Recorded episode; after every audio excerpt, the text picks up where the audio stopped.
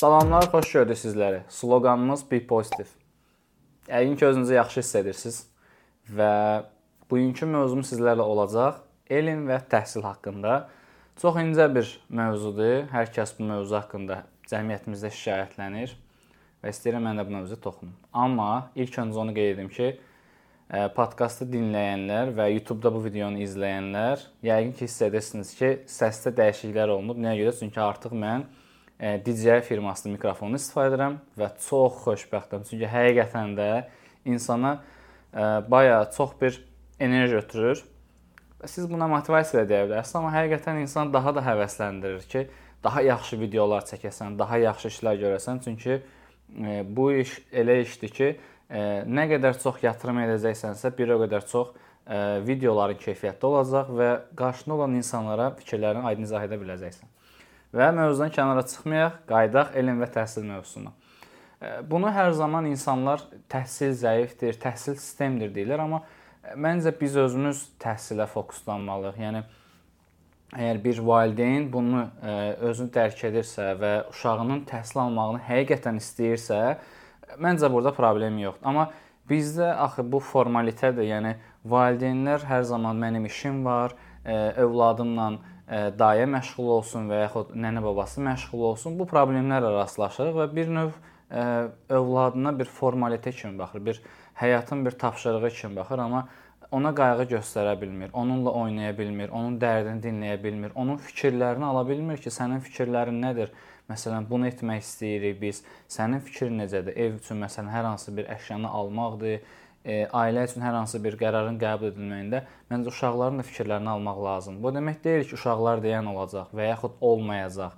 E, amma onların fikrini almaq onların ailədə dəyərli olmağını göstərir. E, və bu düşüncələr, bu fikirlər zaman-zaman insanlarda inkişaf edir və insanların düşüncələri dəyişir və bu yaxşı bir şeydir. Məsələn, mən özümdən hər zaman bunu əvvəlki podkastlarda da qeyd etmişəm. Ən az 200 podkastda qeyd etmişəm ki, mən hər kəs kimi 10-11-ci sinifdə abituriyent hazırlıqları zamanı məktəbdə oxuyarkən coğrafiya və tarixə hər zaman marağım olub.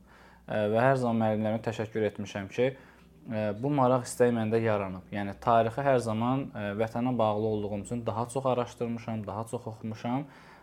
Amma indi ki üzərində işləmədiyim üçün bəzi illərdir, faktlardır yaddan çıxır, amma daha çoxunu yadda saxlaya bilirəm. Məsələn, mənim hər zaman arzum olub, amma hələ də gedə bilməmişəm. İnşallah ki bu il mənə qismət olsun Şuşaya getmək. Mən hər zaman tarixdən oxuyanda mənim üçün daha çox maraqlı olan Şuşa və Qarabağ zonası idi yəni biz onun həsrəti ilə böyümüşük. Düzdür, bizdən əvvəlki nəsillər daha çox orada yaşayıb, oradan çıxıblar və onlar da həsrətində qalıblar ki, yenidən o torpaqlara qayıtsınlar. Amma biz 90-ların uşaqları hər zaman tarix dərslərindən, coğrafiya dərslərindən hər zaman bizim üçün Qarabağ maraqlı olub ki, niyə görə bizim 20% torpaqlarımız işğal altındadır. Buna görə tarixi belə sevmək lazımdır. Yəni torpağıdır və yaxud hər hansı bir tarixi muzeydir. Və ən əsas da Roma var mənim hədəfimdə. İnşallah ki, bu ildə o qismət olar.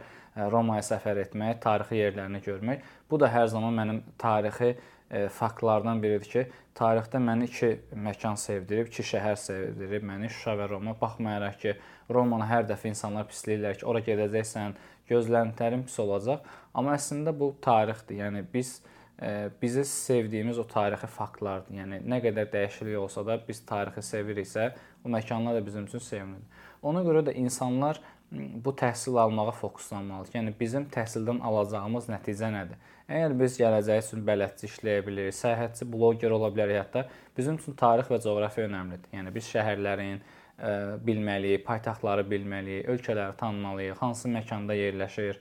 Məsələn, Bakı niyə küləklər şəhəridir? Yəni bunlar çox sadə görünə bilər, amma bunları bilsəniz inanın ki, sizin üçün daha yaxşı olar gələcək. Ona görə burada görürsüz, e, bizim gözləntimiz əslində e, heç bir şey olmamalıdır. Biz özümüz can atmalıyıq, biz özümüz öyrənməliyik. Məsələn, mənim sosial mediada bu uğurları qazanmağım, bu nəticəyə, bu e, yerə gəlib çıxmağımda səbəb sadəcə özüməm. Yəni mənə kimsə deməyib ki, gəl bunu oxu, öyrən. Sadəcə marağım olub, üzərində çalışmışam, təlimlər almışam, araşdırmalar etmişəm, testlər etmişəm ki, bunu etsəm necə olar? və yaxud bu videonu paylaşsam necə effekt verər, hansı yazılardan istifadə edim və əlbəttə ki, digər şəxslərə də baxmışam. Daha çox hansılar effektivdir və daha keyfiyyətli kontent necə hazırlaya bilərəm? Bunların üzərində çalışmışam. Və bunu mənə yenə deyirəm, heç kim deməyib. Sadəcə özüm çalışmışamsa, bunu hər kəs edə bilər. Hər kəs tarixçi ola bilər, oxuyub araşdırıb tarixçi ola bilər, coğrafiyaşünas ola bilər. Yəni istənilən sahədə uğur qazana bilər. Və ona görə də bizim burada əsas təməlimiz nədir? Təhsildir. Amma bunu kimdənsə gözləməməliyik ki, qonşumdur, müəllimdir və ya filan kəsdir. Yəni burada düzdür, daha çox e, daha yüklü insan valideyn üzərinə düşür ki, ilkin olaraq e, öz övladını yönləndirməlidir istiqamətin ki, hansı sahə üzrə marağı varsa, o sahə üzrə getməyə daha yaxşıdır Azərbaycanda e, bildiyiniz kimi bəzən valideynlər bunun qarşısını alır. Sən onun rəssamı olma, sən nə bilim e, filan sahəni seçmə, futbolçu olma, amma e, günümüzdə görürsünüz ki, artıq nə qədər inad olsa da artıq gələn gənc nəsil, Z nəsil də deyirlər, daha aktivdir, daha fikirlərini aydın izah edə bilirlər. Söz altında belə deyək, o elm məsələ söz altında qalmırlar və öz fikirlərini aydın şəkildə qarşı tərəfə çatdıra bilirlər. Ona görə də qarşınıza heç bir maneə olmasın. Əgər təhsil almaq istəyirsinizsə, burada yaş da önəmli deyil. Yəni siz əgər e, bir şey əldə etmək istəyirsinizsə, sadəcə onun üçün can atmaq lazımdır. E, düşünmək, çalışmaq lazımdır ki, mən bunu istəyirəm. E, daha doğrusu 3 dənə olmalıdır. İstəmək, çalışmaq və spontan oldu. Biraz qarışdım. Üzr istəyirəm. Sizin dəyərli vaxtınızı alıram.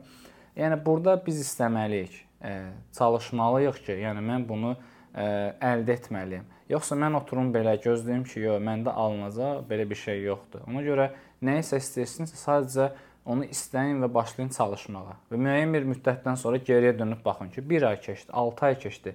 Məsələn, mən tarix üzrə oxudum, araşdırdım. Nələr əldə etdim bu 1 ay ərzində, 6 ay ərzində? Yəni bunu sualı verə bilirsinizsə və cavabı ala bilirsinizsə, bu sizin birinci uğurunuz ola bilər.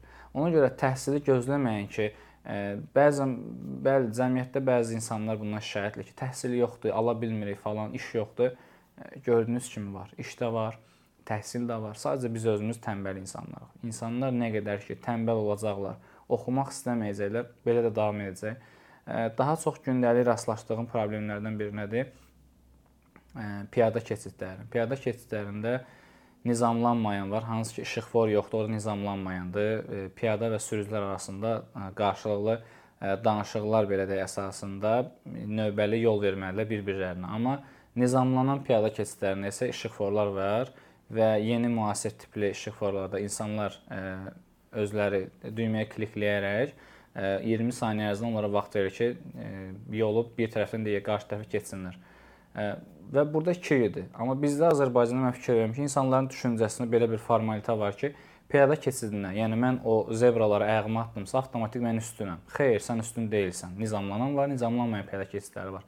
Ona görə bu özü də bir göstər təhsildir. Yəni bunun da təhsilini almaq, yəni qanun deyirik biz, amma bunun da əslində bu təhsildir. Yəni bu bir göstərişdir, bir təlimdir. Onun təlimini aldı piyada keçid. Zaten bizdə insanlar biraz ona şuuraltı deyir ki, əşi bu nə var, hamı bunu bilir. Amma hamı bunu bilir, əslində heç kim bilmir.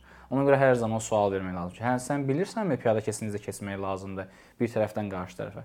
Ona görə gördüyünüz kimi burada elm və təhsil deyəndə əslində bir-birinə bağlıdır. Yəni ki, mənim oturub gözləyim ki, mənə hər hansı bir şəxs və yaxud dövlət mənə bir təhsil versin, elm versin, belə bir şey yox. Düzdür, dövlətin təşkil etdiyi pulsuz belə deyək, məktəblərdir, universitetlər var.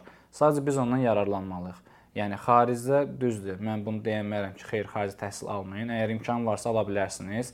Niyə? Çünki oradakı düşüncə tərzləri fərqlidir, müəllimlərin düşüncə tərzləri fərqlidir, praktikalar fərqlidir, e, insanların belə deyək, xarakterləridir, e, belə deyək, milli mənəvi dəyərlərdir. Bunlar hamısı fərqlidir. Hər ölkədə, hər millətdə fərqlidir.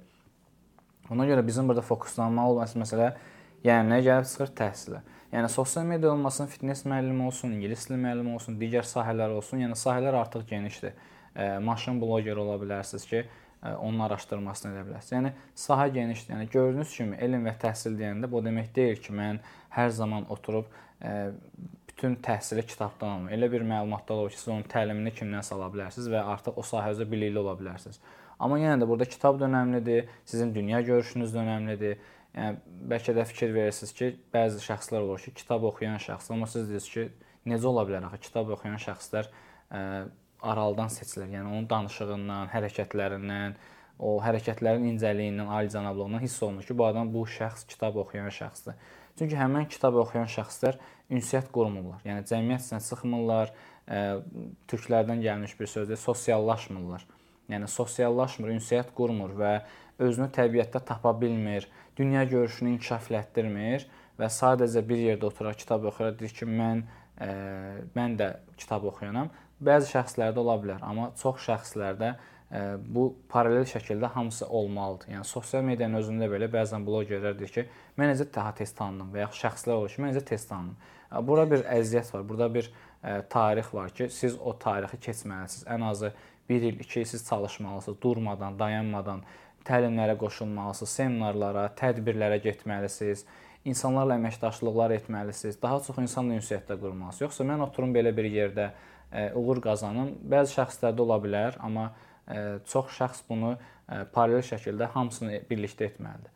Və əlbəttə ki, elm və təhsil hər zaman əhəmiylidir. Yəni kimsə bunu desə ki, elm, təhsil olmadan mən pul qazandım, ola bilər, amma ə, mən şəxsən mənim şəxsi fikrimdir ki, mənim ə, aldığım təhsil ə, həqiqətən də mənim üçün çox rahatçılıqdır. Yəni bu mənə o hissi vermir ki, o vibe vermir ki, mən cəmiyyətdə gəzirəm, mənim təhsilim var, mənim 2 diplomum var. Xeyr, mən onu demirəm. Sadəcə mən bunu hərəkətlərimlə, danışıq tərzimlə artıq cəmiyyətdə bir fərd, şəxsiyyət olaraq özümü göstərirəm ki, mən bu şəxsəm.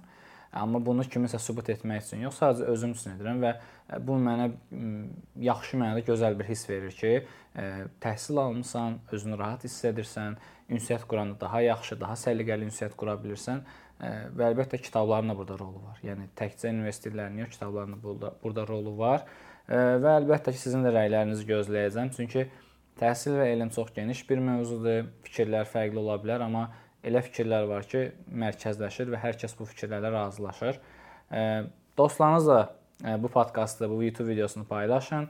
Özünüz də rəy yazmağı, bəyənməyi unutmayın. Çünki biz də çalışdığımız qədər sizlər üçün maraqlı kontentlər hazırlayırıq, amma geri dönüşlər olanda bəzən insanlar düşünür ki, pul qazanmaq xeyir. Yəni burada əsas məsələ cəmiyyətin maariflənməsi, cəmiyyətin daha yaxşı düşünüb inkişaf etməsidirsə, biz birlikdə əlimizi o daşın altına qoyaq ki, nəticələr də yaxşı olsun. Yəni qeyd edirəm, dostlarınızla paylaşın, bəyənin, öz rəylərinizi, fikirlərinizi, şəxsi fikirlərinizi yazın ki, müzakirə edək. Bəlkə həqiqətən də sizin elə fikirlər olsa, mən oradan nəsə götürə biləcəm və siz də mənim fikirlərimdən. Dinlədiyiniz üçün təşəkkür edirəm.